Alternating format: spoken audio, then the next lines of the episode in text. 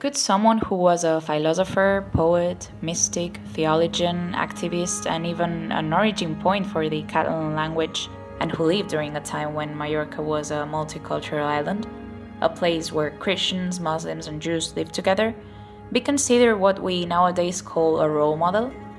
Perhaps even an ideal from whom students and lecturers at the University of the Balearic Islands can learn something apart from his historical importance? I think so. I think he was a role model and continues to be one today, as his work reflects human issues, where human beings are practically the focal point. Llull's concerns are clearly existential what lies beyond humanity and what is transcendent.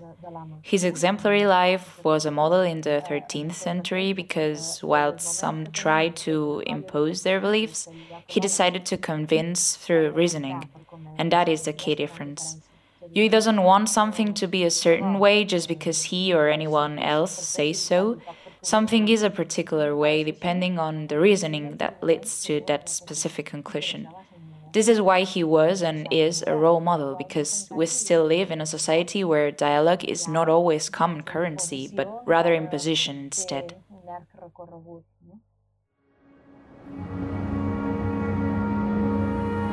Maribel Ripoll, as a Ramon Llull researcher, member of the Ramon Llull Chair, and a lecturer in Catalan at the University of the Balearic Islands, could you tell us which values from this great thinker we see in approaches adopted at the university? Referring back to what I just mentioned, a willingness to dialogue. I believe that students and lecturers at the university are clearly inclined to debate and learn, not just look at the surface or experience, but to seek out other meanings and prioritize knowledge acquisition for the common good. I think we see all of this here.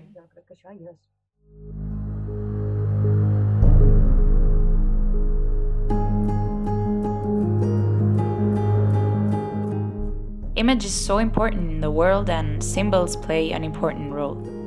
With regard to Llull, we have the moon and the sea as reflected in the logo and crest of the University of the Balearic Islands. Could you explain what their significance is? These symbols are basically part of Llull's family crest and have a very long history. They were the emblem that the Universitat Literària de Mallorca chose when it was founded, due to its close ties to Llull. It had two lines of research into his work. That is where they originate in the 15th century.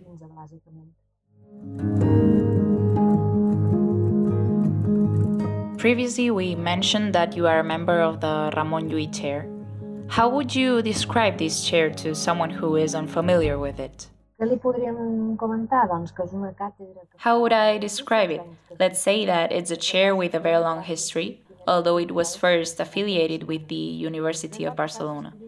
Afterwards, it transferred to the Estudi General Lul·lià as a chair associated with language teaching, losing its initial purpose to focus on philosophy. In 2003, it was reinstituted thanks to the local council and the University of the Balearic Islands through a collaboration agreement.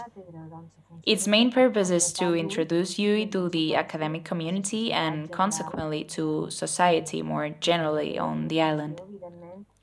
Of course, it also has a scientific purpose at the university to rigorously study Llull in conjunction with all the other international centers that study his life and work. His relevance may first seem merely local within Catalan speaking regions, but that's not the case at all.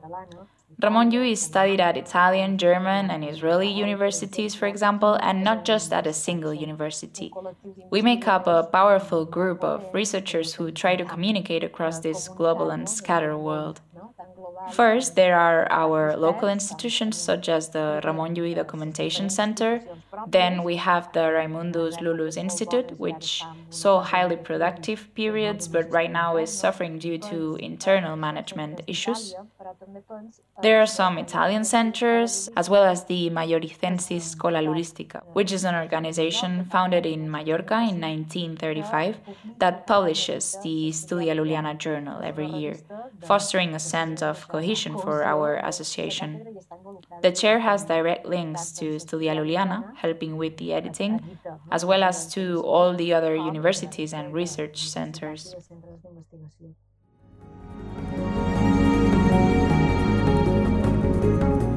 Continuing with Aquadim, the University of the Balearic Islands welcomes many international students every year who participate in mobility programs.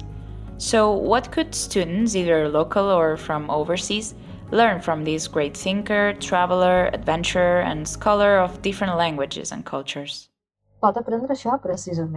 They can learn that Llull never stopped himself from doing anything. On the contrary, he tried to reach as wide an audience as possible to achieve his main goal, the common good.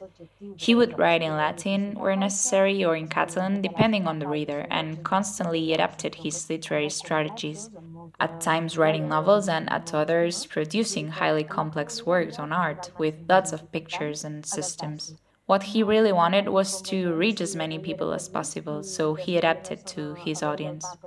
He would be in Paris one day and then head to Italy for an audience with the Pope the next, followed by a trip to North Africa. All this in pursuit of his main aim, the common good.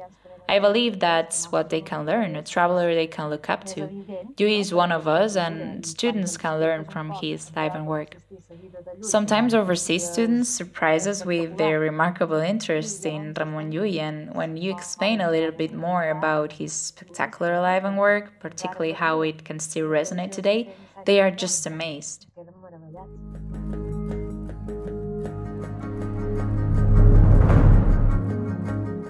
Final question, Maribel.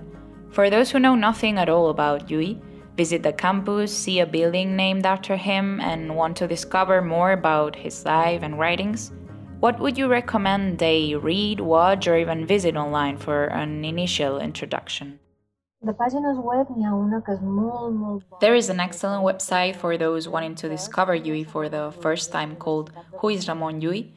It is run by the University of Barcelona and is a well designed educational resource in different languages that aims to explain Llull's ideas so readers do not feel like running away in complete confusion.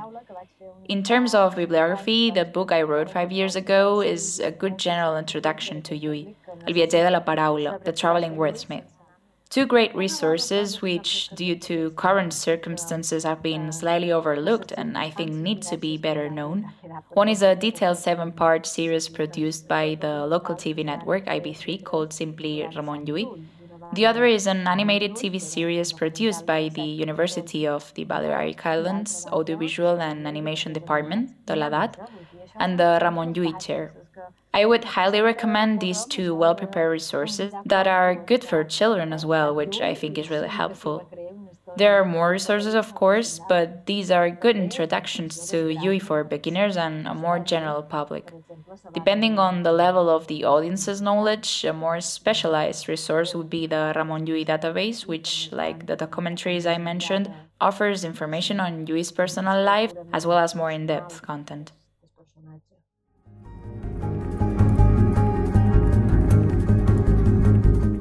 Between his birth in Palma in 1235 and his passing in the Mediterranean Sea in 1315 or 16, Ramon Llull developed as a person and as a writer in a far from usual way for someone from the 13th and 14th centuries. Our university, the University of the Balearic Islands, has chosen him as our patron, and whilst we may celebrate a special day in his honor every November, his heritage, admirable qualities, and values are ever present in our day to day lives.